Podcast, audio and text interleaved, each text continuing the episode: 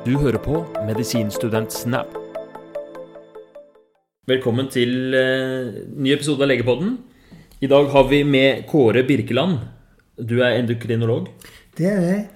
og jobber for tiden For tiden så jobber jeg med hovedstilling på universitetet. Professor i indremedisin og endokrinologi. Og så har jeg en bistilling på, på nyreseksjonen faktisk på Rikshospitalet. Eh, Hvor jeg driver med eh, i det pankrastransplantasjonsprogrammet. Eller vi kaller det betacelleerstattende terapi. Vi har jo et lite program som transplanterer enten øyceller eller, eller eh, hel pankras til noen former type 1-diabetes. Ok, så rett og slett transplantasjonsbehandling av diabetes 1-pasienter. Ja. Det har jeg ikke hørt så mye om. Det, er det Nei. noe nytt og uvanlig, det? Eh, Ja, vi har holdt det. Man har hatt dette programmet i ganske mange år, men vi, vi transplanterer jo ca. 30 helorgan pankreas og ca. Ja, 5-10 øycellepasienter per år. Og vi har jo 25 000 med type 1-diabetes, så det er jo behandling for veldig få, da. Men, Ja. men det er tilbudt eh, til, ut, i utvalgte situasjoner. da. Jeg lurer på om jeg husker dette fra en forelesning. Ja, at det var, man sprøyter rett og slett inn øyeceller rett i blodet, og så bare finner de plassen på pankras? Ja, sånn? ja, man renser ut øyecellene fra nylig avdøde, fra pankreas, og så setter man de inn via vena porta. Eh, infunderer de i vena porta, og så slår de seg ned i leveren, og så blir de insulinproduserende organer der, da. Helt utrolig, da, egentlig. At det går an. Ok.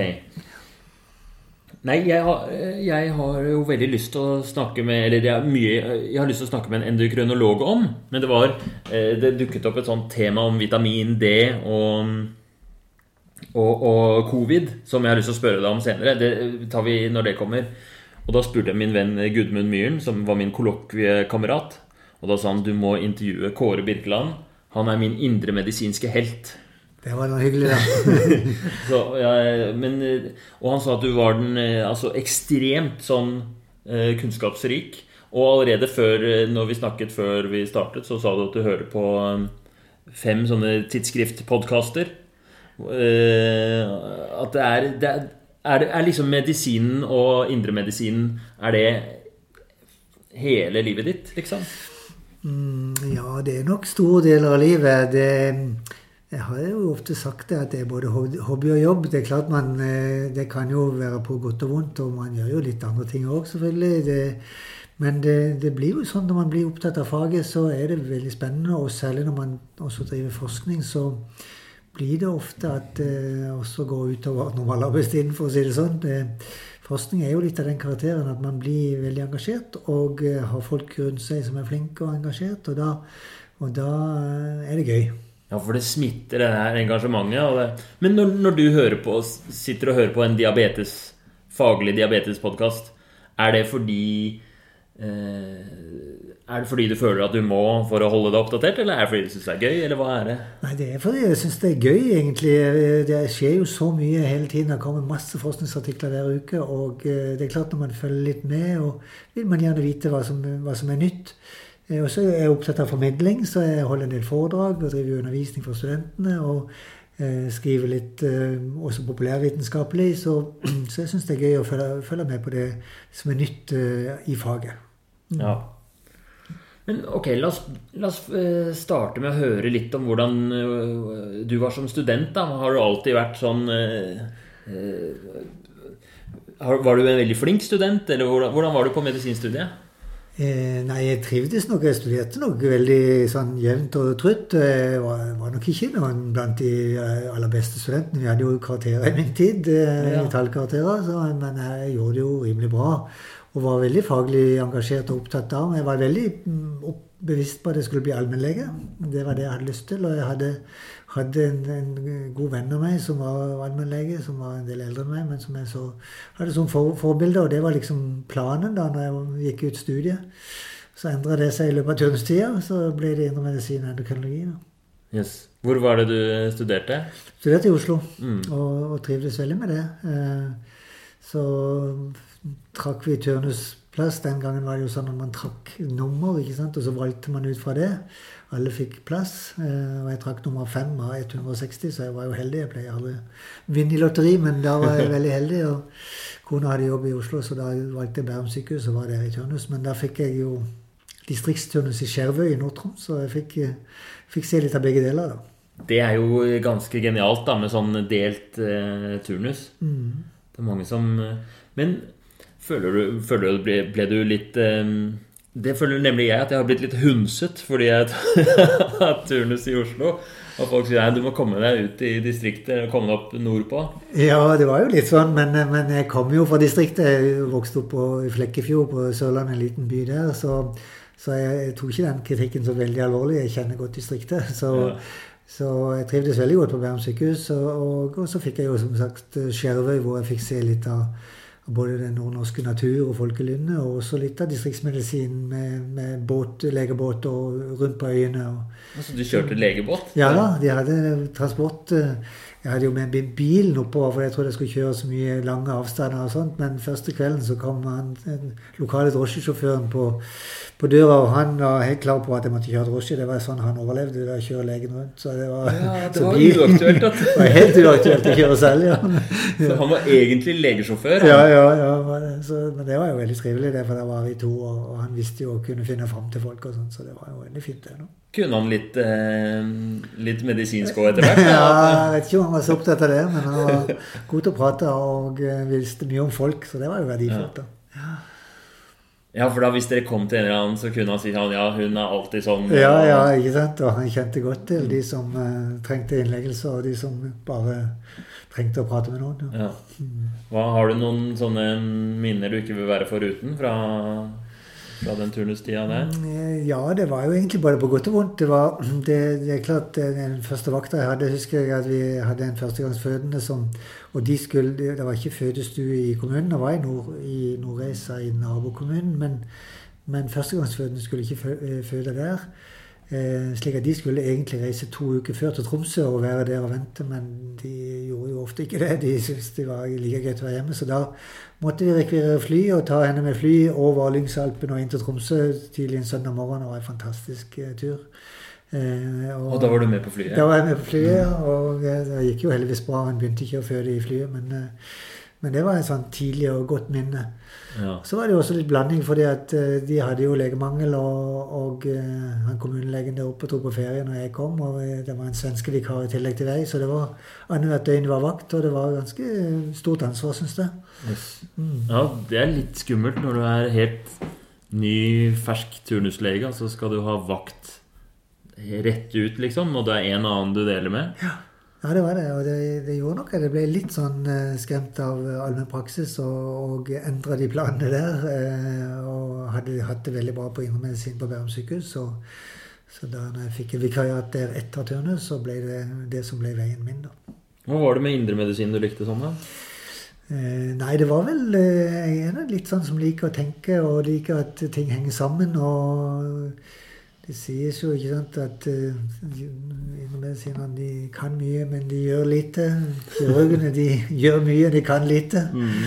Patologene de kan mye og gjør mye, men da er det for sent. Ja. Nei, så jeg syns kirurgi var et morsomt fag. men jeg synes det ble. Kan lite, gjør lite. ja, kanskje. Nei, jeg likte det med indremedisin. At det, man, eh, man, gjør en skikkelig undersøkelse og utreder, og så tenker man seg om, og så så handler man. Så jeg syns det var fascinerende med, med faget, og, og, mye hyggelige kollegaer, selvfølgelig. Hva er um, Hva var liksom det første indremedisinske casen som gjorde inntrykk på deg? da? Som du tenkte 'nå er jeg hjemme', liksom?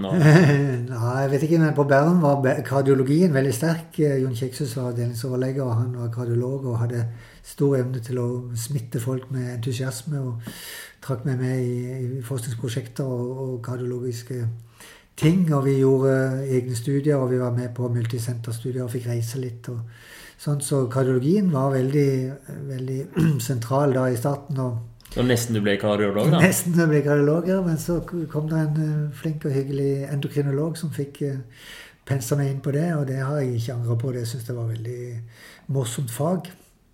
Uh, selv om faget er jo litt sånn lite instrumentelt. Det er klart, eh, gastroenterologene har jo skopene sine, ikke sant? og kardiologene har ekkomaskinen.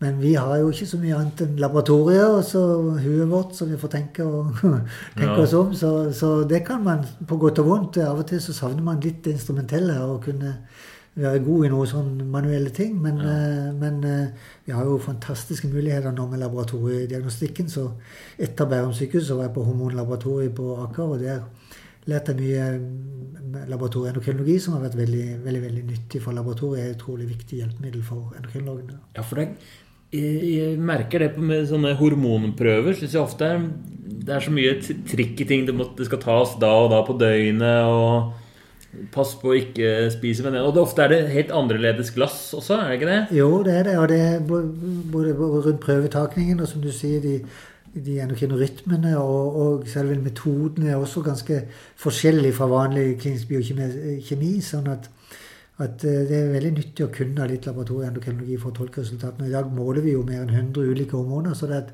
vi har utrolige diagnostiske muligheter, men man må kjenne liksom både fordeler og ulemper med det. Vi ser jo også eksempler på folk som bruker det ukritisk og måler veldig mye, mange ting, og eh, kom ut i uføre fordi at man har problemer med å tolke, tolke det. Ja.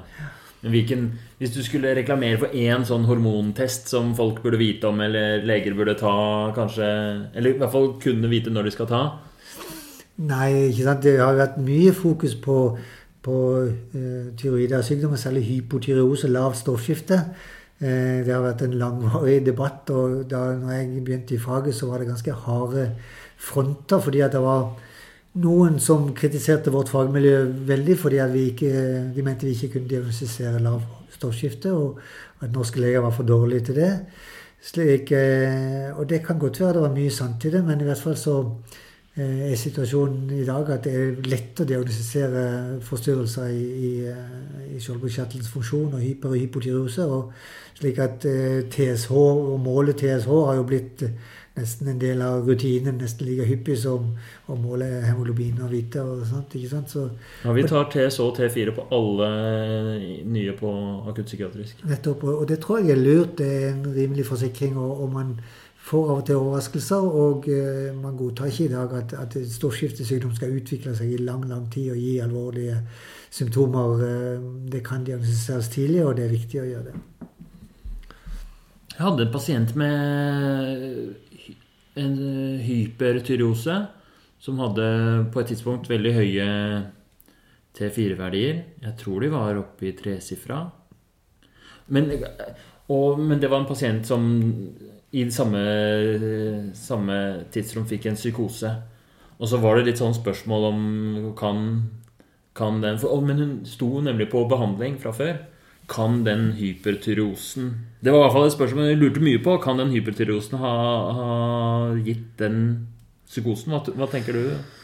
Ja, det er jo ikke et vanlig symptom med, med hypertyrose, men eh, jeg tror nok at en person som har en disposisjon for en, en, psykose, kan, ut, kan utløse eh, det å få en oppløsning i forbindelse med hypertyrose, Det tror jeg det er temmelig sikkert, ja. Eh, det er jo en stor belastning for kroppen, eh, både fysisk og psykisk, å ha veldig høyt stoffskifte. Så vi ser det at det både den veien og motsatt også i forhold til depresjoner og hypotyreose, at, eh, at det henger sammen. Og så er det også noen fallgruver i forhold til, til bruk av antipsykotika, som du sikkert vet, og, og mange type medikamenter i psykiatrien som kan virke inn både på Altså særlig litium, da, som mm. kan gi hypotyreose. Eh, og også i sjelden gang hypertyreose. Men, eh, eh, men, også andre antipsykotika har kanskje en effekt på fritte fire-verdien. og sånt. Vi har faktisk gjort et lite forskningsprosjekt på det. Ikke så klare, klare funn, men, men, det er en betydelig sammenheng mellom psykiatri og, og og stålskifte. Ja, hvilke, hvilke, er det jeg må passe meg mest for, da? Nei, vi har, vi har sett kanskje at noen av disse olanzepin og de lignende medikamentene Ja, eh, De kanskje, nye antipsykotika? Ja, at de kanskje har en, en effekt på fritt til fire nivåer. Vi er litt usikre på om det er mer sånn laboratoriemessig at de, at de påvirker målingene, eller om de har en direkte effekt på nivåene. Ja. ikke helt klart. Olanzapin Cyprexa brukes jo kjempemye. Ja. Det er veldig vanlig. Det gjør det. og Eh, og som du sier, så er det ikke så uvanlig heller, for, fordi at uh, tyroide funksjonsforstyrrelser er vanlige sykdommer. at, uh, at, vi også ser det ved, ved psykiske lidelser. Så det er nok viktig å, å måle det. Kanskje du skulle komme til akuttpsykiatrisk og holde noe foredrag? Det tror jeg vi kunne trengt. ja. Men, hva, la oss gå litt eh, Det er så fort gjort når vi kommer inn på det faglige, så blir jeg så nysgjerrig, så kommer vi aldri Men jeg vil vite litt mer om sånn Bare hverdagen din nå, da. Hva, hva er det Du sier at du jobber på universitetet og har mye studenter. Det vet jeg jo selv, for jeg har jo vært i forelesninger og sånt nå. Hvordan er en typisk dag for deg? Nei, jeg var jo avdelingsleder for endokrinologi i ti år eh, og slutta med det for tre år siden. Eh, da fikk jeg litt nok av møter og økonomistyring og den biten, og hadde lyst til å eh, fordype meg mer faglig. Og da jeg fikk muligheten for et, et professorat, så, så, valgte jeg det. Og så har jeg som sagt en bistilling på sykehuset hvor jeg ser pasienter hver tirsdag. Men ellers så er det forskning og undervisning. Jeg har en forskningsgruppe med type 2-diabetes som til 10-15 stykker. ph.d.-studenter, postdokker, forskere. Eh, og vi gjør ulike typer kliniske studier eh, for å finne frem til bedre muligheter for både forebygging og behandling av type 2-diabetes, som vi er opptatt av. da. Eh, så da er det mye veiledning, både én til én, og vi har gruppemøter. Og vi har også mye presentasjoner både internt og eksternt fra gruppen. Liker du best å forske eller undervise? eh, tradisjonelt å forske, men eh, de siste årene så har jeg jo fått mer og mer ansvar for undervisningen. Også for eh, modulleder for modul 8. Det betyr at jeg har et ansvar for undervisningen på siste år på medisin i Oslo. Og da, og da syns jeg det er gøy å få det til å virke og prøve å legge til rette for best mulig læring. Og jeg liker veldig godt å holde foredrag og, og snakke til både studenter og til leger under videreutdanning. Det har jeg gjort masse, og jeg syns det er interessant. Nå ser jeg jo at det tar en helt annen retning når det blir digital undervisning og helt andre utfordringer og muligheter. Men jeg, og jeg tror at kanskje i etterkant av denne epidemien så, så, vil vi ta i bruk disse hjelpemidlene på en annen måte enn vi har gjort det nå. Hvordan går det med, med studentene nå i pandemien? Jo, altså de er jo veldig fleksible og positive og innretter seg. og gir mye positive tilbakemeldinger. Det er klart at, eh, og, og jeg syns også lærerne har vært utrolig flinke til å hive seg rundt og lære seg Zoom og Teams og disse verktøyene som vi bruker. og Det fungerer egentlig veldig bra. Eh, det er klart medisinstudiet Medisinerstudiet uten pasienter er jo ikke bra. og nå blir det case-basert, og smågruppene blir case ikke sant, og kasus og diskusjoner. Og, og det er greit, men man, man savner jo hands on og, og den direkte pasientkontakten. og så vi må få det til på et eller annet vis. Eh, nå så jeg akkurat en post fra universitetets rektor i dag som sa at vi skulle forberede oss på digital undervisning til høsten. Det syns jeg var helt forferdelig. Kan ikke ha bare digital undervisning i medisinstudiet. Vi må finne løsninger som ja. legger til rette for andre ting. Så, så eh, den undervisningen sånn ved sengekanten eller på poliklinikken med student og pasient til stede, det syns jeg er veldig morsomt. Har du noen synspunkter på det, da? Hvor, eh, om, om, det, om, det, er riktig å, å fortsette å, å, å, ha digital undervisning til høsten? Nei, Vi vet jo ikke hvordan epidemien vil gå hen. ikke sant? Det, det ser jo veldig fint ut da, hvordan man har klart å komme gjennom første fase. Men jeg frykter jo at det, vi langt fra har sett eh, verken slutten eller kanskje toppen. Så så jeg tror nok at vi må vente og se det an. Men, men, jeg vil i hvert fall jobbe sterkt for at vi får til klinisk undervisning selv om epidemien skulle fortsette. Det må la seg gjøre på en eller annen vis. å behandle studenter som, som andre helsepersonell og, og, ta hensyn med smittevern og eventuelt skrine og, og teste og sånne ting. Så vi må ha klinisk undervisning. Det må vi få til. Ja. For selv om det utgjør en viss risiko å ha Eh, klinisk undervisning, så utgjør det jo en risiko å sende ut 100 nye leger som ikke har fått sett en pasient siste året. Nettopp. Det gjør det. Og det, og det siste året faller så mye på plass. Det er sånn et viktig år. fordi da har man så god bakgrunn. Jeg opplever at studentene syns det er morsomt. De, de ser liksom sammenhenger og syns det er veldig interessant. Sånn at det er utrolig viktig at man får gjort det. Og vi har ganske mye fine kurs både med katastrofe- og akuttmedisin siste år og sånt som vi må få gjennomført. Så jeg håper vi kan få det til til, til høsten. Dette Vårsemesteret nå ble jo et unntakssemester hvor vi måtte renonsere på en del, en del ting. Men, men, eh, vi skal få det til til høsten. At man får gjort de praktiske tingene og se pasienter og sånt. Hvordan går det med forskningsaktiviteten? Går den som den skal? Er det mye stopp i? Det er en del stopp i de kliniske studiene, fordi vi, vi, kan ikke ta pasienter inn på sykehusene og undersøke dem. Vi kan ikke, og pasienten vil heller ikke komme, eller, eller forsøksdeltakerne vil ikke komme. Selvfølgelig de er redd for å bli smittet. slik at vi har flere prosjekter som har vært satt på vent av den grunn. Forskerne kan jo jobbe teoretisk og regne og lage figurer og tabeller og skrive artikler, men, men eh, selve de kliniske studiene er i stor grad satt på vent. Og også laboratoriearbeidet. Laboratoriene har jo i stor grad vært stengt. Eh, det også, så, så, det blir forsinkelser. Og, og det, de som har ph.d.-stipendiater på tre år, det, det, det betyr tre måneder ganske mye. Så, så jeg håper virkelig at, eh, at, situasjonen kan normaliseres eh, i hvert fall så langt som mulig etter hvert. Ja. Du sa du, du, du, snakker om både at du har jobbet med type 1-diabetes, men også at du forsker på type 2-diabetes. Hvilken diabetes er din favoritt? Nei, Det er type 2-diabetes som har vært mitt hjertebarn og, hovedsatsingen i forskningen. Og som jeg begynte med for 30 år siden. Da var det ikke så veldig mye type 2-forskning i Norge, faktisk. Og, og, vi har bygd opp eh, det rundt Aker sykehus og miljøet på Oslo universitetssykehus med, med sånne ganske grundige fysiologiske studier og undersøkt ulike aspekter og prøvd å forstå mer av sykdommen, og også for å finne fram til bedre muligheter for både forebygging og, og behandling. Så vi har gjort typisk studier på treningseffekter og sett hvordan trening påvirker insulinfølsomhet og kan forebygge mot diabetes, og hva er de molekylære mekanismer for det. Eh, og vi har gjort behandlingsstudier bl.a. med D-vitamin. D-vitamin som vi skal snakke om senere, det er jo et, et veldig spennende stoff som både er et hormon og et vitamin. Eh, og som eh, tradisjonelt jo har effekter på bein og på og sant, Uttalt D-vitamin i mangel i engelsk syke rakitt hos barn, men det ser vi jo ikke i Norge nå. Men så har det jo vist seg at kanskje D-vitamin har mye andre effekter. Eh, det har vært snakk om at det har effekter ved diabetes hjerte-karsykdommer, infeksjonssykdommer. Og vi har også gjort forsøk på å se om det kunne påvirke type 2-diabetes, insulinsekresjon, insulinresistensen ved type 2-diabetes. Vi gjorde en veldig stor og skikkelig intervensjonsstudie. Fant ingen effekt. Det var jo trist. Men, men det er viktig også å gjøre den type studier med negative resultater, fordi det bidrar til å bygge kunnskap. Da. Ja, Så hos diabetes type 2-pasienter så hjelper det ikke å gi vitamin D som behandling? Ikke på diabetesen. Og det er litt, eh, litt, underlig, for hvis man går ut i samfunnet og måler, så ser man at type, type 2-diabetes de har lavere D-vitaminnivå enn de som ikke har diabetes.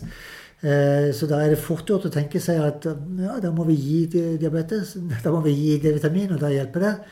Men det gjør det ikke, og det er en kortslutning som man ofte har gjort i denne typen studier. At man ser lavt D-vitaminnivå ved fedme, lavt D-vitaminnivå med hjerte-karsykdom. Da må vi gi D-vitamin. Men når man gjør kontrollerte, randomiserte studier og undersøker dette skikkelig, så ser man ingen effekt. Eh, slik at det er andre årsaker til at det er lavt D-vitaminnivå ved disse sykdommene. Da. Men hvorfor um, Hvordan er det dere gir D-vitaminen?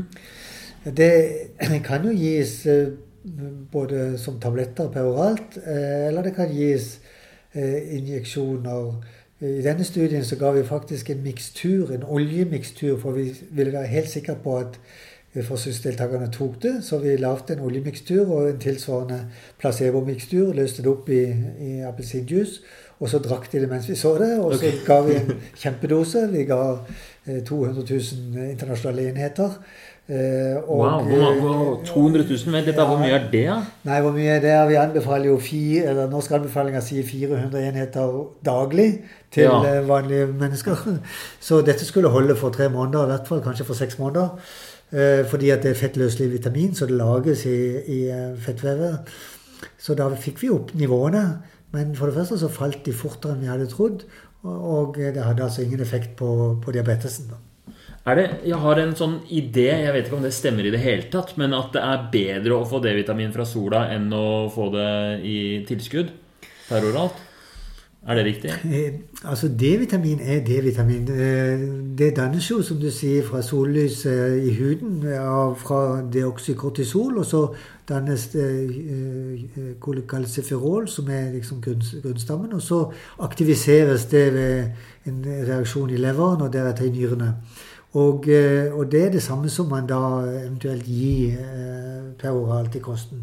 Hvilken er det man gir? Er det kolekalsiferol, den inaktiverte formen? Ja, 25 hydroksyvitamin D. Det er den som er, som er hydroksylert i 25-stilling. Den er ikke aktivisert, for det skjer først intracellulært, enten i nyren eller i andre celler. Men, eh, men det er sånn at det man gir, må aktiviseres i kroppen. Og det må også det som sollyset danne. Ja. Så det er for så vidt det samme. Og som sagt, det kjemiske stoffet der er det samme. Men jeg tror jo at det å være ute i sola har mange andre egenskaper som også er positive for helsa. Sånn at sånn sett så er det, er det bedre å få det via sollyset. Men så er det jo det at i Norge så uh, står sola så lavt fra fra høsten til våren, eller i hvert fall fra eh, oktober eller noe sånt, eh, til eh, mars-april, at det danner ikke D-vitamin i huden fordi at sollyset kommer for skrått inn. Ja, vi hadde diskusjon, for jeg tok av meg på overkroppen her på forrige lørdag og diskuterte med en annen med en medisinstudent og som nettopp hadde hatt forelesning. Jeg vet ikke om det var med deg, kanskje det var med deg, men en foreleser som sa at man fikk ikke noe omdanna ikke noe D-vitamin fra Mai, det er kun mellom mai og august. Ja. Kun i måneder eh, uten R. Ja, det, det, er riktig. Det er jeg ikke helt sikker på datoene. Men, eh, men i hvert fall hvis sollyset treffer, treffer oss mer enn 30, eh, lavere enn 30 grader, så Altså vinkelen med, med strålene. Ja, vinkelen, ikke sant? Så, ja, så, så dannes det for lite UVB-stråle, så vi får for lite ja effekter. Så da må man, eh, må man få det via kosten. Eh, fet fisk eller vitamin E eller anriket eh, margarin og smør og sånne ting. Eller tran, som man tok i gamle dager i Norge. Ja. Ja, jeg har tatt tran som bare det, siden nå I hvert fall siden jeg leste meg opp til det. det, ja, det men, men akkurat det med sollys 30 da er det, Jeg bruker triks. Da har jeg rett i trikset mitt. da, fordi jeg pleier å se om hvis skyggen min er lengre enn meg, da er det, da er det for skrått. ja, ja, bra, bra, tips, ja. Og da trenger jeg ikke solkrem heller, har nei. Nei, ikke sant? Ja. Ok. Men, um, så, men, det du sier, at det er flere andre ting i um, sollyset Så D-vitamin på en måte kan være en sånn markør, da, egentlig? Ja, ikke sant. Det er jo det man tror med disse, en del av disse stoffene som viser en epidemiologisk sammenheng med sykdom, og så hjelper det ikke å gi det. At det er andre ting som uh, samtidig er gunstig og som går sammen med f.eks. lavt D-vitaminnivå eller, eller eh, eh, eller sånn som jeg så det med, med østrogener. ikke sant, at Man så jo at kvinner som tok østrogener, de fikk mindre hjertekarsykdom enn enn kvinner som ikke tok østrogener. Og så tenkte man at ah, østrogener er årsak til eller beskytter mot hjerte-karsykdom. Og så gjorde man stor amerikansk anonymisert kontrollert studie av østrogener, og så fant man ingen effekt. Ingen positiv effekt, man fant en liten negativ effekt av østrogener på hjerte-karsykdom. Og det er fordi at kvinner som tar østrogener, de lever sunt på andre måter. Folk som er mye ute i sola, de lever sunt på andre måter. De beveger seg kanskje mer, de er, er, har eh, andre ja. helsefordeler. Ofte er det slike sammenhenger som, som lurer oss, og som er lett å skylde på én enkelt faktor, og så viser det seg at det er mer komplisert. Men kan det være, kan det være Nå bare spekulerer jeg, da, men kan det være andre hormoner eller stoffer som dannes i huden enn vitamin D ved sollys, som vi ikke vet om? Jeg eh, kan ikke utelukke det. Jeg kjenner ikke til at det skulle være slik. Eh, og D-vitamin er jo det mest eh, kjente, men det kan ikke utelukkes, det.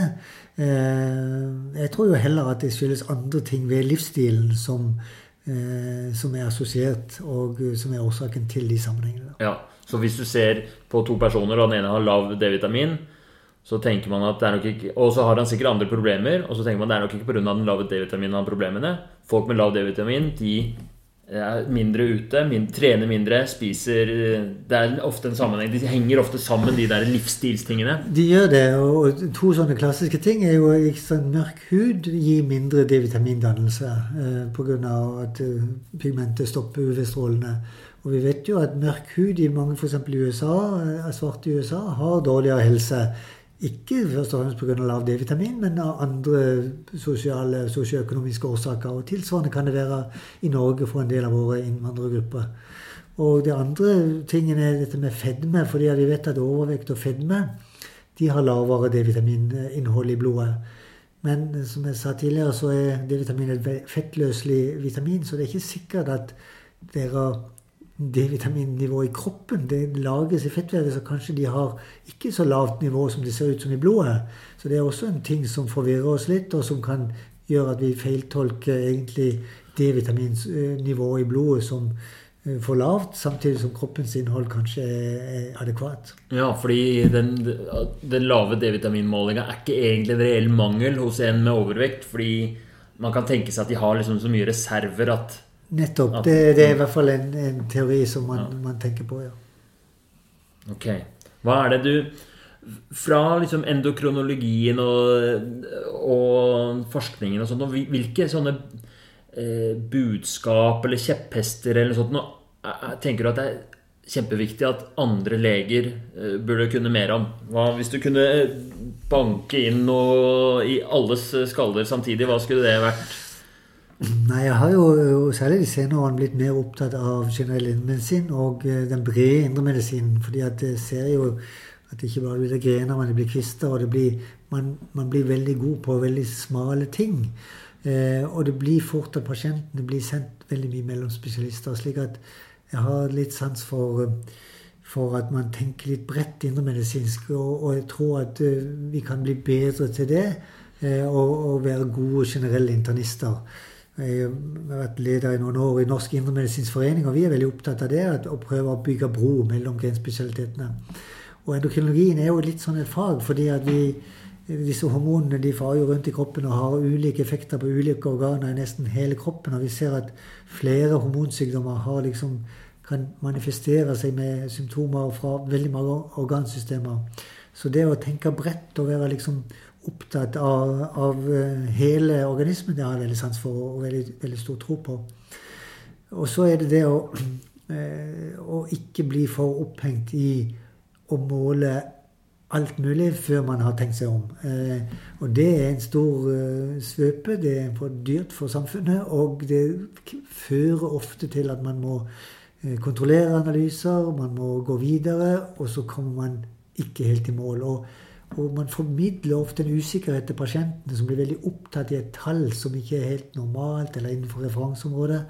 Og så øh, henger man alle sine sorger og bekymringer og plager på dette tallet. Og så, og så er det egentlig et sidespor i, i, forhold til hva som virkelig er, er viktig for den enkelte pasient. Ja. Så, så, det å se helheten og vite hva man gjør før man har en tanke med, med de prøvene man tar, og så tolke det inn i, i, sin sammenheng, det tror jeg er, er, ganske viktig. og jeg pleier å fortelle, Jeg skrev et kapittel i en bok som heter 'Diffusitas' i gang. 'Når legen står fast', hvor vi skrev fra ulike spesialiteter om disse pasientene som vi møter, som egentlig eh, kanskje ikke har en sykdom i vårt organsystem, men som tror de har det, eller noen mener de har det. Eh, og eh, en sånn ting som har vært snakk om, kan man ha litt lav kortisol? Kan man ha litt slitne binyrer? Kan man mangle litt kortisol uten å egentlig ha binyrebarksvikt, Addisons sykdom og sånne ting? Eh, og da brukte jeg et eksempel på hvis man måler kortisol og finner en lav kortisolverdi på en pasient som er litt trett og slapp, og så finner man en litt lav verdi, hva er da eh, sannsynligheten for den, at det betyr at den pasienten har en binyrebarksvikt. Og binyrebarksvikt er en veldig sjelden sykdom. Sånn at hvis man finner det, mens, og det å være trett og slapp er veldig vanlig ja. Så hvis man finner en litt lav kortisolverdi på en pasient som er trett og slapp, så er det mye mye mer sannsynlig at den ikke betyr noe, at den ikke har binyrebarksvikt, enn at den har en binyrbaksvikt. Så da kan du angre da på at du tok den kortisolprøven? Nettopp. Du havner bare i fella? Du havner i fella, ikke sant? Ja. og så må du ta en ny prøve. og Så er du fortsatt i tvil, så må du kanskje henvise. Og hvis du først får en sånn henvisning, så kan du ikke avvise den. Og så, så baller det på seg. Og så har man egentlig ikke eh, funnet pasientens hovedproblem. Så jeg husker det fra allmennpraksis òg, at det var så mange ganger jeg måtte forklare sånn bitte litt høy klorid eller noe sånn eh, Eh, en MCH eller noe sånt som var litt høy eller lav, uten at det var noe eh, For man tar alt på en gang. Nettopp. Og så, og, og så må man sitte og forklare det til pasienten, og kanskje de ikke Eller kanskje man ender opp med å ikke forklare, bare sender et eller annet brev, og så sitter de og stusser. Nettopp. Ja. Så, så, det å tenke seg om før man rekvirerer Og vi har jo en sånn kampanje som, som går for tiden, som heter 'Gjør kloke valg'. og og, og som, som, går akkurat på det at man skal prøve å å eliminere unødvendige undersøkelser og uh, unødvendig diagnostikk. Og at hvert fag skal kanskje identifisere noen sånne, sånne kanskje fem temaer som er, de holder fram som ikke gjør dette uten å ha tenkt deg godt om. og i mitt fag så kunne det være ikke mål D-vitamin hvis du ikke har en mistanke om at det er en sykdom som ligger, ligger bak, eller som trenger behandles. Altså. Fordi at, eh, at, eh, man måler utrolig mye D-vitaminer, og folk spiser utrolig mye D-vitaminer uten at de vet at det har noe som helst effekt. Ja, Det er interessant å høre. Jeg gikk og angra fordi jeg ikke målte D-vitamin på den ene pasienten min tidligere i dag. at jeg glemte å bestille D-vitamin. Kanskje det kunne jo være noe med den? Ja, og vi vet jo at D-vitamin, eh, alvorlig D-vitaminmangel gir osteomalasi og benproblemer og osteoporose. Eh, men det er heldigvis sjelden. Og de skal selvfølgelig ha det. Og det kan også gi muskelsvakhet og muskelsmerter, og de skal også ha det. Men, men utover det, og så er det så vet vi veldig lite om at det egentlig hjelper å, å tilføre D-vitaminer. Jeg syns jeg hører hele tiden i Og vi hadde også intervju med, med en, en lege som skrev bok om demens. Hvor det var en del snakk om vitamin D som risikofaktor for å Altså vitamin D-mangel som risikofaktor for å, å få demens. Og da, han, han, var ganske tydelig på at eh, jo, sjekk, finn ut av D-vitaminen, og hvis du har mangel, så ta tilskudd. Ja, og, og, det er jo ikke så rart, fordi at hvis man studerer D-vitaminmetabolismen, så ser man jo at det har gripet inn i utrolig mange cellulære prosesser.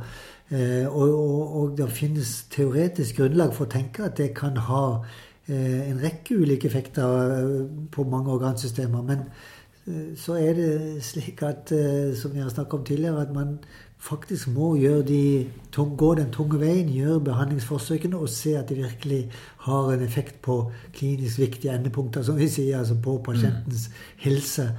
Eh, og vi ser det samme nå ved, ved covid-19-sykdommen. ikke sant? At eh, man har trukket fram D-vitamin, at det kan ha betydning for virusreplikasjon, det kan ha betydning for immunforsvar, Eh, det kan ha en rekke ulike effekter som teoretisk kunne være gunstig ved, ved den sykdommen. Og da har man sagt at kanskje man bør teste ut D-vitamin ved, ved covid-19. Og det kan godt hende man bør, men man bør i hvert fall ikke anbefale det eller begynne å bruke det behandlingsmessig uten å gjøre, eh, den, eh, gå den tunge veien og teste det ut på skikkelig kontrollerte forsøk. For vi kan ikke si at vi, vi, vet det ikke. Vi, det er ikke noe som eh, Vi har ikke fått svaret. Nei, vi vet ikke det. Og, og, og som jeg sier, så har det så mange eh, viktige roller å spille i metabolismen at, at, man kan alltid finne en teoretisk mm.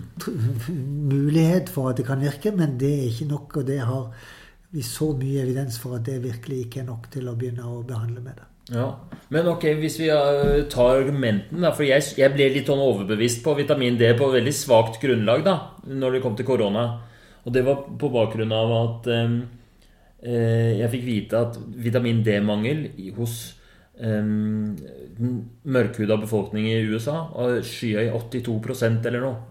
Det er sikkert sesongvariasjoner på det, i motsetning til blant den uh, med hvit hud så var det 40% eller så dobbelt så høy forekomst. Og så vet man at det er Eller det har tydeligvis vært eh, mye mer Gått hardere utover den afroamerikanske befolkningen korona, covid-19. Og samtidig så kikker jeg på Australia, som jo ligger rett ved Kina. Ekstremt stor trafikk eh, Australia-Kina. Og ekstremt stor trafikk Europa-Australia også, av så mye eh, turister. Og så syns jeg er overraskende at de ikke har fått noe sånn voldsomt utbrudd. Men der kommer de altså fra sommer. Jeg ser for meg at vitamin D-lagrene er stappfulle der borte. Og, og, basert på kun det, så tenkte jeg her må det være noe. Ja, og det er jo den typen slutninger man kan gjøre, som, men som altså ikke er tilstrekkelig til å fastslå årsakssammenhenger. Og det er jo gjort noen også randomiserte kontrollerte studier ved influensasykdom f.eks. Og, og eh, D-vitamin. Og der, er, sånn som jeg har i hvert fall sett litteraturen, så er det omtrent 50-50. Noen finner en viss effekt, noen finner ingen effekt. Så det, det, er, det finnes absolutt ikke evidens for at, eh, at D-vitamin ved virussykdom er en god idé og, og kan beskytte. Så, så, jeg er enig i at det finnes noen sånne epidemiologiske og noen teoretiske, molekylære eh, mulige mekanismer som kunne tyder på at det er en god idé. Men, men vi må ikke gå i den fella at vi der slutter at det er en årsakssammenheng, og vi skal ikke gi D-vitamin. Men er det nok um, uh, studier som har gitt vist at det ikke har effekt, til at du tenker at vi kan legge ballen død? Nei, nei, og absolutt ikke ved koronavirus, og ikke ved influensa heller, så vidt jeg har lest meg til. Men, men der er det jo noe mer evidens. Men ved, ved, ved koronavirus så kan det absolutt godt være at man burde gjøre en randomisert, kontrollert studie. Men om dette er et av de viktigste eller hovedmedikamentene man da bør satse på, det er jo en lang rekke medikamenter som nå prøves ut som, som, så vidt jeg kan forstå, har mer eh, plausible eller sannsynlige virkningsmekanismer enn en D-vitamin. Eh, for disse vitaminene vet du, de ble jo oppdaga fordi at de ekstreme mangler de ga svær sykdom. Ekstrem eh, C-vitaminmangel det ga jo skjørbuk til sjøfolk som aldri fikk frukt. Ja, da mister du tennene dine. Ja, ja, nettopp. Og så var det jo fantastisk når man da skjønte det og kunne begynne å gi C-vitamin. Men så har jo noen tenkt at ja, når litt C-vitamin er godt, så må jo mye C-vitamin være enda bedre. slik at det var en periode da når jeg studerte hvor, hvor man sa at jo, store doser C-vitamin beskytter mot forkjølelse, influensa og alt mulig. Og så er det ingen holdepunkter for det videre. Så, så det, så, og, og, og, mange studier ved vitaminer har vist akkurat det at jo, ekstrem mangel er utrolig farlig. A-vitamin og blindhet og sånne ting. Men, men at store doser ikke har noen tilleggseffekt på sykdom. Hvordan er det, Hvor farlig er D-vitamin? Um, altså, Er det mange som får for mye? Nei, det er, det er ikke det. Toksisiteten er veldig lav. Man kan ha veldig veldig høye uh, nivåer uten å ha noen plager eller ubehag av det. Vi har sett uh, D-vitaminforgiftninger. Uh, og, og vi hadde et preparat i Norge som skulle tas en gang i måneden, eller kanskje en gang i uka for de som hadde svær mangel. Og, og, vi hadde husker jeg, en pasient som tok det hver dag i mange mange måneder. Og, og hun fikk veldig høye nivåer. Og begynte nok å få litt symptomer. Men, men det skal veldig mye til, slik at, at D-vitaminforgiftning er et lite problem. Veldig lite problem. Kan man, fordi Det har jeg også lurt på. fordi hvis man da i teorien kan få D-vitaminforgiftning hvis du tar for mye Kan man få for mye sol? At, eh, nei, nei. Det regulerer kroppen det selv. Ja, ikke sant? Ja. Men man kan altså trykke i seg for mye hvis man tar det. Men hvor, hvor, hvor mye snakker vi da? La oss hvis eh, en en uh, spiseskje tran, det er 10 mikrogram. Og hva er det da? Er det 20, 250 Nei. 400 enheter. 400 enheter. Ja, ja. Og det er en anbefalt døgndose. Ja. I, og det, for myndighetene sier jo at uh, i Norge så skal man ta uh, de, de, de, sier vel hele året, egentlig? Ja, jeg, jeg, jeg, jeg, tror det varierer litt. Men de sier i hvert fall Det kommer litt an på kosten. Men de anbefaler at man bruker 10 mikrogram om dagen, altså 400 enheter. Og det, det doble hos eldre. Ja. Slik at hvis man da mener at man får for lite sol og fiske og sånne ting, så bør man ta tilskudd. Jeg, vet, jeg, tror ikke egentlig man sier at man skal ta tilskudd hele året, men at, uh, at hvis man ikke får nok, så bør man ta det. Ja. Mm. Men det klarer man aldri å få forgiftning ut av. Eh, og, og uh, som sagt, altså 400 enheter om dagen er anbefalt. Det medikamentet som jeg nevnte som ga den forgiftningen, det, det var 4000 enheter, altså ti ganger så mye, daglig i mange, mange måneder. Og da fikk man altså en viss uh, Ja, ikke sant. Da nærmer man seg forgiftning. Ja. Ok, Så uh, ved å ta en anbefalt uh, døgndose eller dobbel, eller hvis man tenker at Det er ikke noe farlig i det. og um, nå kommer vi ut av vinteren, og man kan jo forvente at man ikke har fått sol på et halvt år, så har man en D-vitaminmangel, med mindre man er flink med tilskudd. Ja, så kan, har man i hvert fall lave nivåer. Om ja. man har en mangel, det er ja. mye diskusjoner om. Hva skal nivået være? ikke sant? Ja. Og, og eh, internasjonalt så sier man vel nå at man bør ha over 75 nanomol per liter. Eh, men alvorlig mangel det er under 12,5 nanomol per liter, altså mye mye lavere. Og det er først og fremst da man ser disse skjelett- og muskelplagene og sånne ting. Så det er en stor gråsone da, i hvert fall mellom 50 og 75, og kanskje ned til 25, som, hvor man ikke egentlig vet om det har en gunstig effekt. Så, så det er mye vi ikke vet fortsatt om D-vitamin. Ja. I tranen så er det jo E-vitamin og A-vitamin òg. En av de som er litt mer skummelt med toksisitet, er det ikke? Jo, man kan få forgiftninger med A-vitamin. Eh, og det kan gi eh, sykdom. Det kan jo bli gul i huden av det, og, og, og, sånt, men det kan jo også gi leverfunksjonsforstyrrelser og, og andre sykdommer. Så det kan man overdosere. Ok. Men da, for å oppsummere, da eh, D-vitamin er eh, greit å ta gjennom vinteren i Norge, og myndigheten anbefaler en liten dose daglig hvis, hvis du ikke får det gjennom eh, kosten. Og kosten vil da være fet fisk. Fet fisk, og, og vi har jo noen vitaminiserte produkter, margarin og smør og sånt som er tilsatt av D-vitamin. Ja, melka mi har noe D-vitamin. Ja, den ja, blå. Ja, Men eh, og, og, det er ikke noe grunnlag for å tenke at eh, Det er ikke noe, i hvert fall noen beviser på at D-vitamin har noe effekt på korona. At D-vitaminmangel disponerer for noe alvorligere forløp, eller noe sånt, og det vet man ikke noe om. Nei. Og, um, det, og, du er ikke så Du tror ikke man vil finne noe særlig på det? Du er skeptisk til det? Jeg er skeptisk ja. til det, ja. Jeg ja. tror at jeg ville prøvd ut andre typer medisiner ja. før, ja. ja. Men jeg kommer til å fortsette å ta tranen min. Du tar ja, tran, du òg? Jeg gjør ikke det. Jeg har aldri likt tran. Nei. tar, du, tar du noe D-vitaminer, da? Nei. Ingenting? Nei. Ja vel. Har du målt til, til prøva på deg selv, da? Ja, jeg ligger ikke så veldig høyt. Eh, jeg gjorde det faktisk før vi gjorde den eh, studien. Så skulle vi teste ut litt doser og sånne ting. Og da lå jeg overraskende lavt, selv om jeg hadde vært en tur i Syden nokså nylig. Så. Men eh, hva, hva, får jeg lov? Nei, jeg, jeg er frisk og ja. jeg har Så da, du, selv om du lå lavt, så, så gadd du ikke å ta? Nei. Ja, men det sier jo litt, da. Ok. Um, hva mer tenker du nå eh, som vi er så midt i en eh, pandemi? Hva mer er det hva, hva, hva, har endokronologien å bidra med? Eller hva er det liksom vi lærer om endokrinologi av dette? Mm, nei, det er vel ikke et av de mest sentrale fagene. Men det er klart at eh, fra de tidlige eh, rapportene fra Kina og etter hvert også fra Italia, så var det en overhyppighet av diabetes blant de som hadde et alvorlig forløp. Eh, litt varierende tall, men eh, det var en klar eh, overhyppighet av diabetes blant de som, som, det ikke gikk så bra med. og hvorfor det? ja, hvorfor det? Jeg skjønner, prøver nei, å tenke hvorfor Nei, vi vet ikke alt om det, men det skyldes nok både at høyt blodsukker i seg selv reduserer immunforsvaret og gjør at både, både fagocyttfunksjonen blir dårligere, og flere av immunresponsene blir dårligere. Og så er det jo slik at en del som har diabetes, også har eh, annen eh, sykelighet. Eh, de kan ha overhyppighet av hjertesvikt og nyresvikt, som helt klart begge disponerer for, for alvorlig forløp.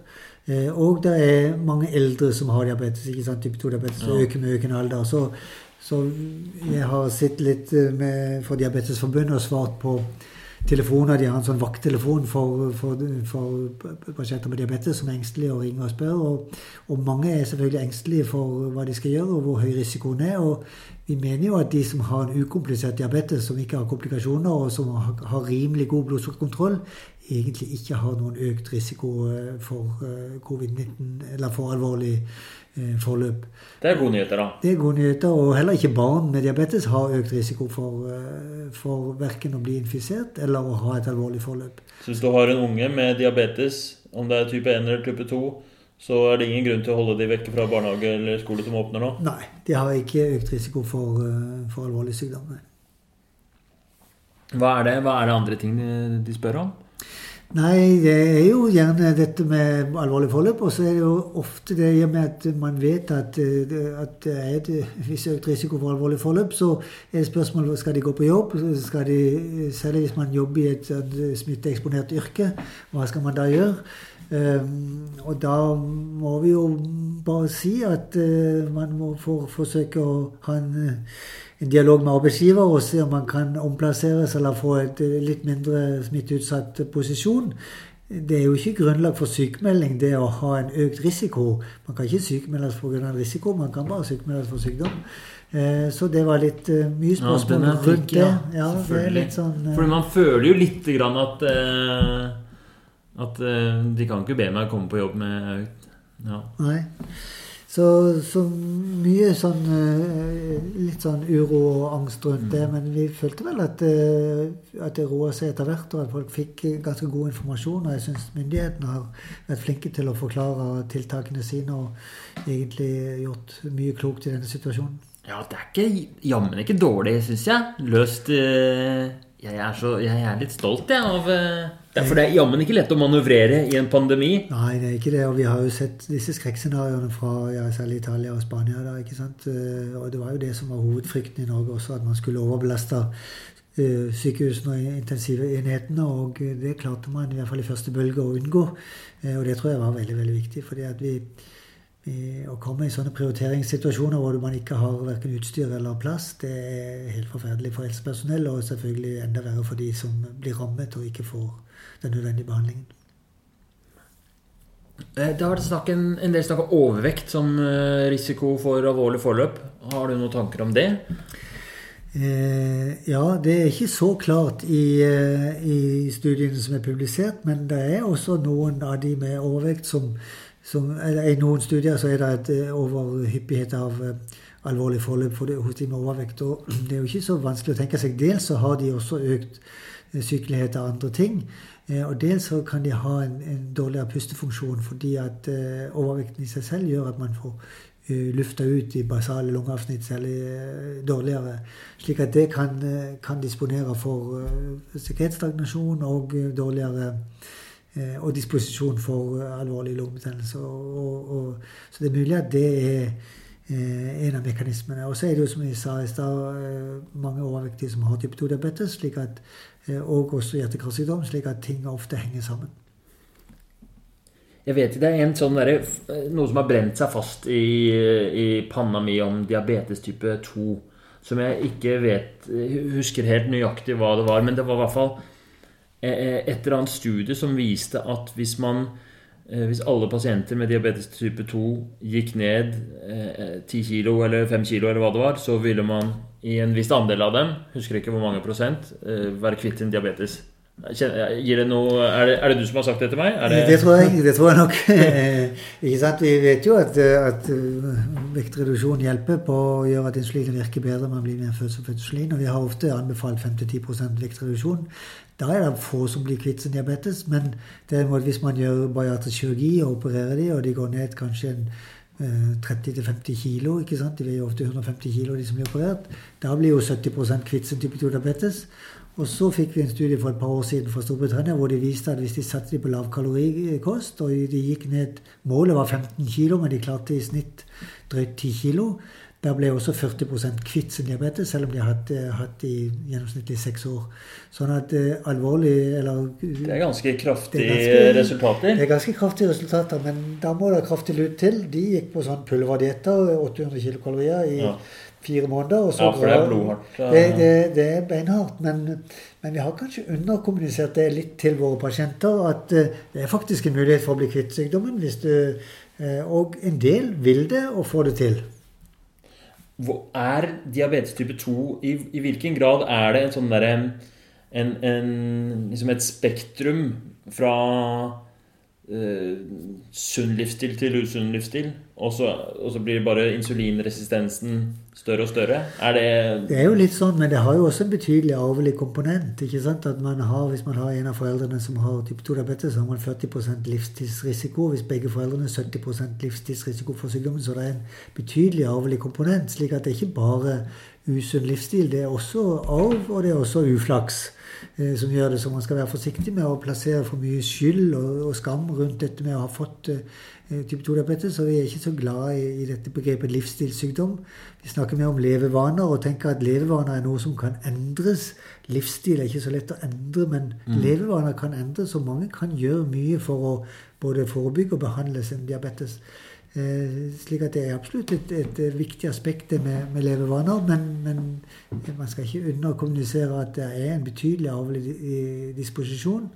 Og så er det et betydelig element av flaks. Kan du ha diabetes type 2 uh, eh, selv om du uh, En person som sier ut ifra målingene har diabetes type 2, høyt blodsukker og, og, og, og sånn, men trener knallbra, spiser sunt, slank er det liksom forenlig? Er det, er det, mange pasienter som er i den gruppa? Ikke mange, men det finnes. Og kanskje 10-15% av de med type 2 diabetes er normalvektige og har BMI, kroppsmasseindeks under 25. Eh, og de har jo åpenbart en mye sterkere arvelig komponent i sitt sykdomsbilde. Ja.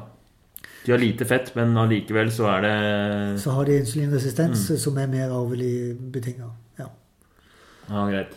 Da, men er det fortsatt da øh, Gir du fortsatt da råd om levevaner og sånn til normalvektige type 2-diabetespasienter? Vi gjør det, men ikke om vektreduksjon, men fysisk aktivitet. Eh, og, eh, og det å unngå mye søtmat og sukker og, og hurtige karbohydrater.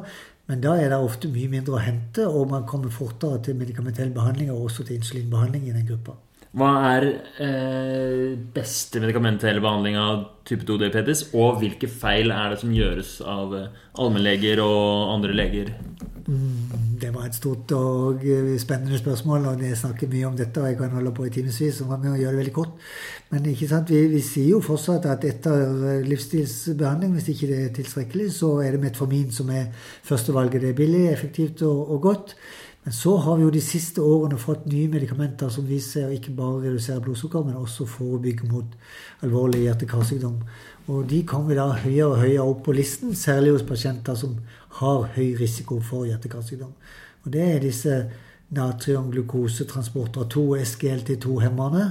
Eh, og så er det disse GLP1-analogene som, eh, som, må injiseres. Det, det, er to relativt nye medikamentgrupper som altså både senker blodsukkeret, men i tillegg også forebygge mot hjerte-karsykdom. Vi vet ikke helt hvorfor, men, eh, men, de medikamentene er veldig bra.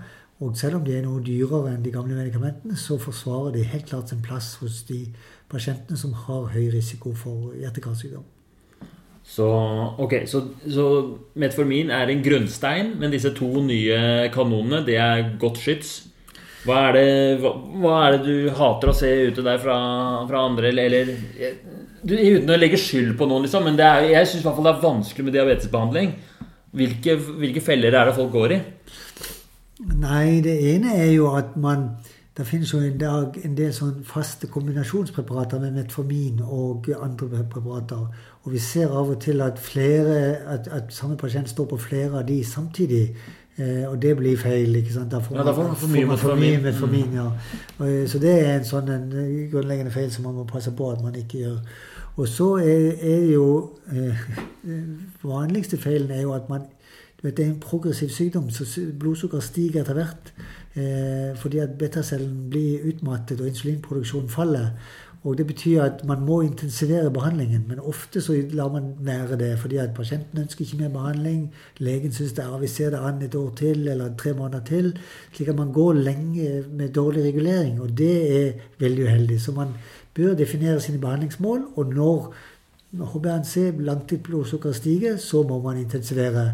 Og det må man informere pasienten om fra første dag, at dette er den naturlige utviklingen. Det er ikke fordi at du er dum og lat og slapp og, og ikke gjør som jeg sier, men det er faktisk den naturlige utviklingen av sykdommen. Så når sykdommen eh, eh, og blodsukkeret stiger, så må man intensivere. Og så må man ikke nøle med å gi injeksjonsbehandling når det blir nødvendig, enten det er disse GLP-1 analogene, eller det er insulinbehandling, som er også veldig effektivt. Det var veldig nyttig. Det var, for det var ikke helt klart for meg at diabetes type 2 har den derre progresjonen, og det er naturlig å forvente en forverring i eh, blodsukkerreguleringen etter hvert hvis man står på samme medikamenter.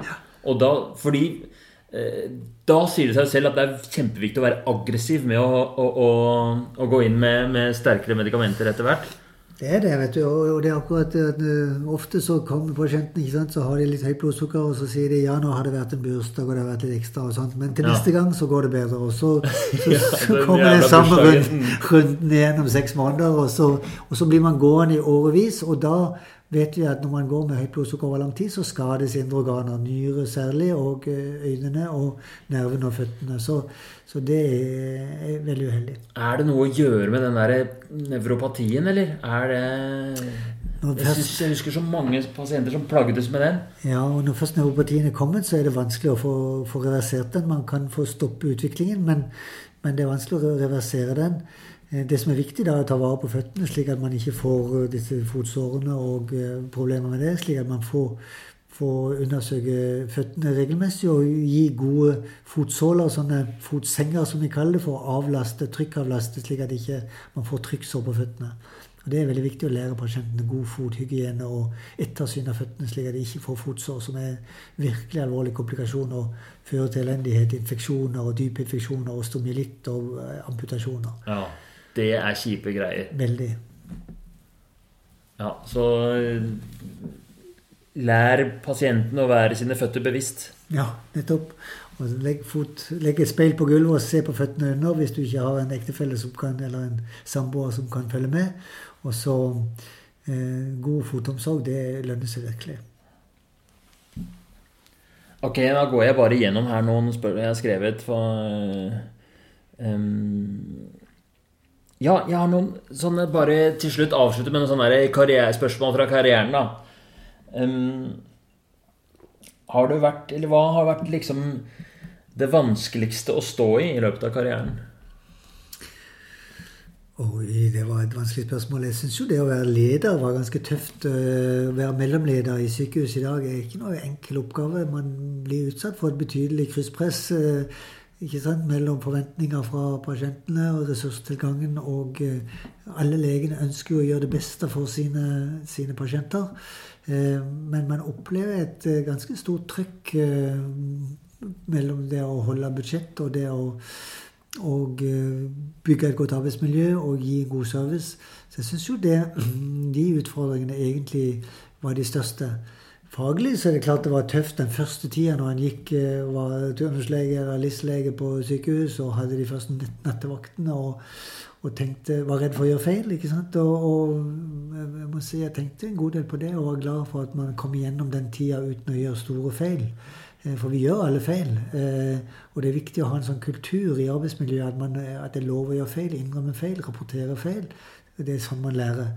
Så, så jeg syns kanskje de to tingene, den første tida og også den tida på Skjervøy når man var alene allmennpraktiker, og jeg hadde noen ganske ubehagelige opplevelser med litt sånn voldstendenser blant pasientene og følte meg angrepet og følte ganske lite støtte rundt meg, var veldig ubehagelig.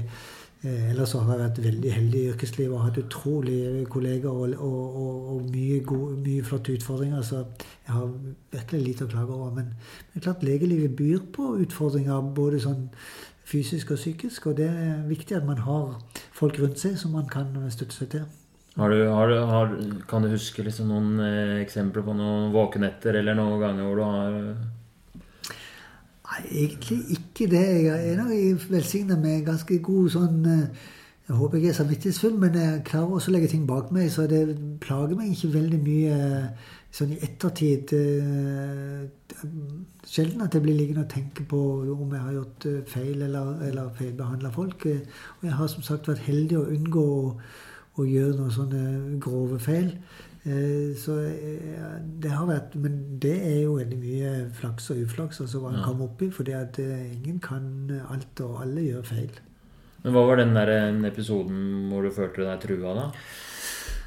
Nei, det var en, en pasient som ikke fikk de smertestillende medikamentene han ønska, og kasta seg over bordet mot meg på, på legekontoret, og jeg var alene. Og jeg følte meg rett og slett fysisk trua.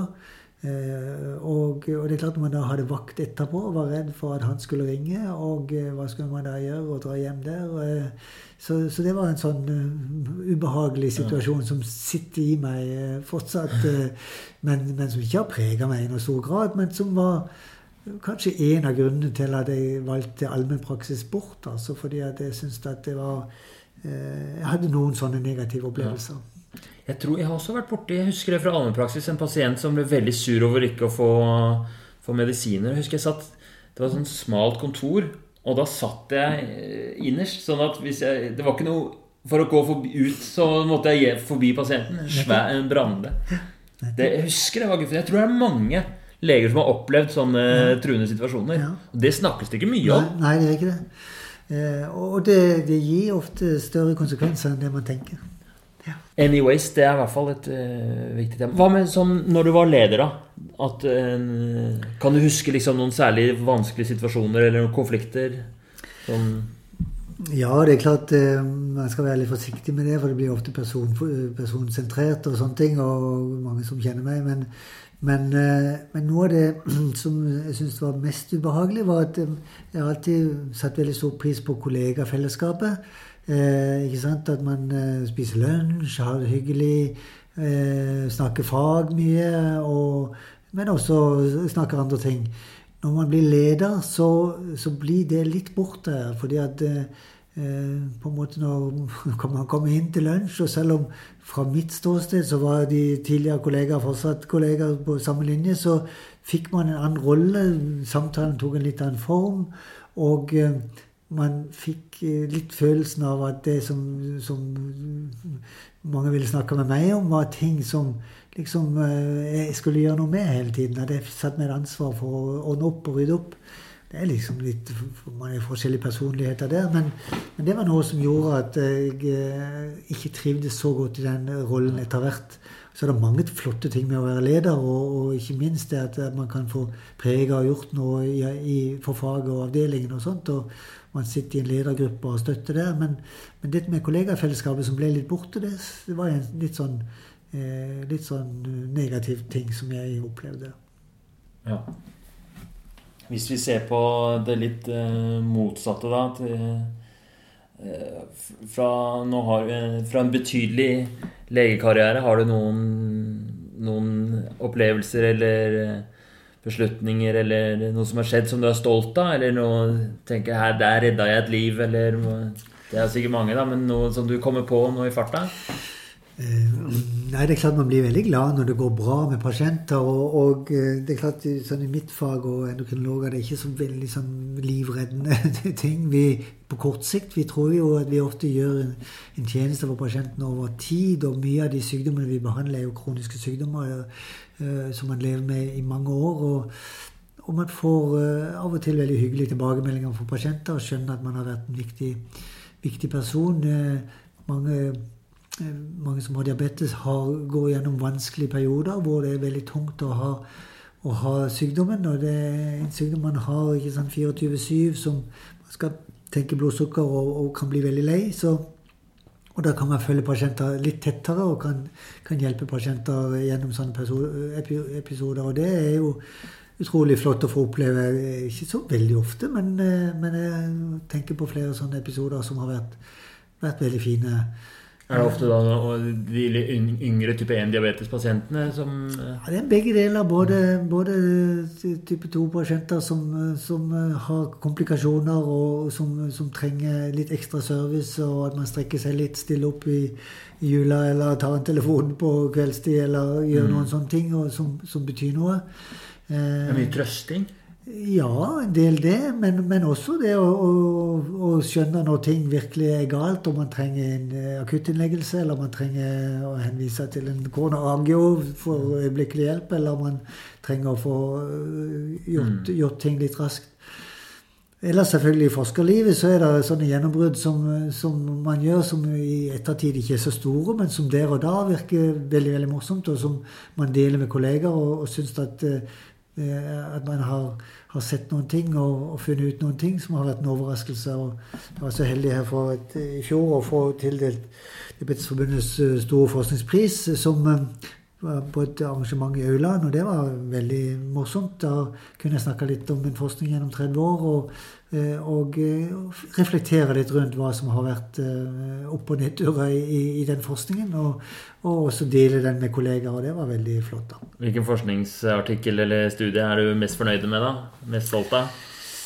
Nei, du vet, det, det, er jo sånn at man bygger stein på stein, og, og vi har jo ikke bidratt med noe sånne svære gjennombrudd. Men det er klart vi har vært med på en del sånne store internasjonale studier som uh, har brakt frem de nye medikamentene, som har vært veldig, veldig, veldig viktig. Uh, hvor jeg har også vært med i styringsgruppen internasjonalt og fått sitte og se resultatene som liksom dukker opp, uh, hvor vi ser, ser, effekten av nye medikamenter, eller ser at medikamenter som man tidligere trodde kunne være farlige, ikke var farlige. og så hos oss sjøl så er det jo mye det når stipendiater lykkes og, og mm. får til ting. Og, og, når de får sin doktorgrad og sånne ting. Som, den typen gjennombrudd som ofte er veldig veldig fint. Ja, når du har tatt, brunget fram et, en stipendiat og veiledet. Ja, Og folk som da har lyktes og vil gå videre med forskning og fortsette med det, er veldig, veldig, veldig morsomt. Har du noen eh, bekymringer for eh, medisin eller eh, indremedisin eller fag, eller? Nei, altså faget er jo fantastisk. Og eh, det er klart kunnskapsmengden er så stor etter hvert at, eh, at den må håndteres på litt andre måter i fremtiden, tenker jeg. Eh, og jeg tror jo at informasjonsteknologien kommer til å hjelpe oss med det, men vi har ikke helt funnet de gode løsningene enda. Jeg tror jo at sånn beslutningsstøtte knytta opp mot journalsystemene og sånt vil bli mye bedre i fremtiden. Og så må vi være på vakt mot teknofiseringen, slik at vi ikke drukner i, i, i det. Og, og fortsatt uh, legge stor vekt på den gode samtalen, den gode anamnesen og den gode kontakten med pasienten. Så det å finne den balansen der Eh, blir veldig veldig viktig i, i fremtiden. Eh, og jeg tror at, at fremtidens legerolle vil bli veldig annerledes. Jeg håper fortsatt at vi skal ha en, en klar legerolle, og at, at, vi skal ha en kunnskapsbasert medisin som står veldig sterkt. Eh, og det tror jeg på. Ok, Siste spørsmål. Hva er Hvis du hadde gått fra bare for, å, for endokrinologiens skyld, da. Hvis du hadde gått fra å være endokrinolog og blitt en eller annen type lege, lungelege eller hva som helst, hvilken del av hverdagen din hadde du savna mest? Hmm. Nei, det var et godt spørsmål. Jeg vil jo ha savna pasienten. Og nå er jeg blitt så glad i diabetespasientene, så, så det, er jo, det, er jo, kanskje det jeg tenker på først. Men jeg syns jo sånn fag endokrinologi er utrolig morsomt intellektuelt, fordi at man eh, man eh, undersøker, man får en klinisk mistanke, og så måler man noen hormoner, eventuelt gjør noen funksjonstester. Og så ser man sammenhengen mellom de ulike kjertlene og de ulike organene. Og så diagnostiserer man på den måten der. Og akkurat det, altså måten å bruke laboratorie, funksjonelle tester og klinikk på, det syns jeg er det morsomme med endokrinologien. Fantastisk. Tusen takk for at du har stilt opp i dette intervjuet. og gått over en time, men det var eh, det, var det verdt. Takk for at jeg fikk komme. Takk for nå. Vi er Medisinstudentsnap. Følg oss på Instagram. Der har vi quiz hver dag og mye annen medisinsk moro. Ha det bra!